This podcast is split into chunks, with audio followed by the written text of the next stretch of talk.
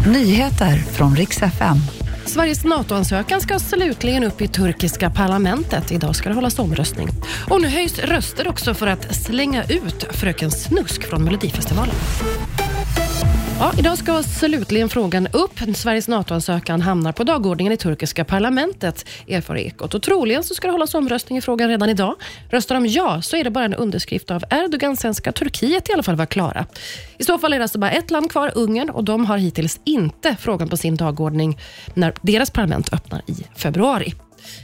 Danmark stoppar alla adoptioner från utelandet. Den organisation som har skött det här i Danmark har fått stark kritik och slutar nu att förmedla det helt. Samtidigt har Norge tagit beslut om att stoppa adoptioner från flera länder efter avslöjanden om illegala adoptioner av bebisar som sålts bland annat. Stoppas också adoptioner helt från Thailand, Filippinerna och Taiwan.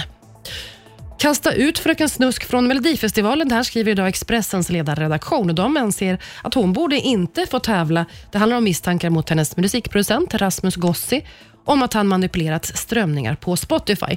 Även DN har sagt att de har belägg för det här och Melodifestivalens projektledare däremot har kommenterat det hela och säger att de har ingen information som gör att de ifrågasätter Fröken Snusk. Jag heter Maria Granström och det var nyheterna.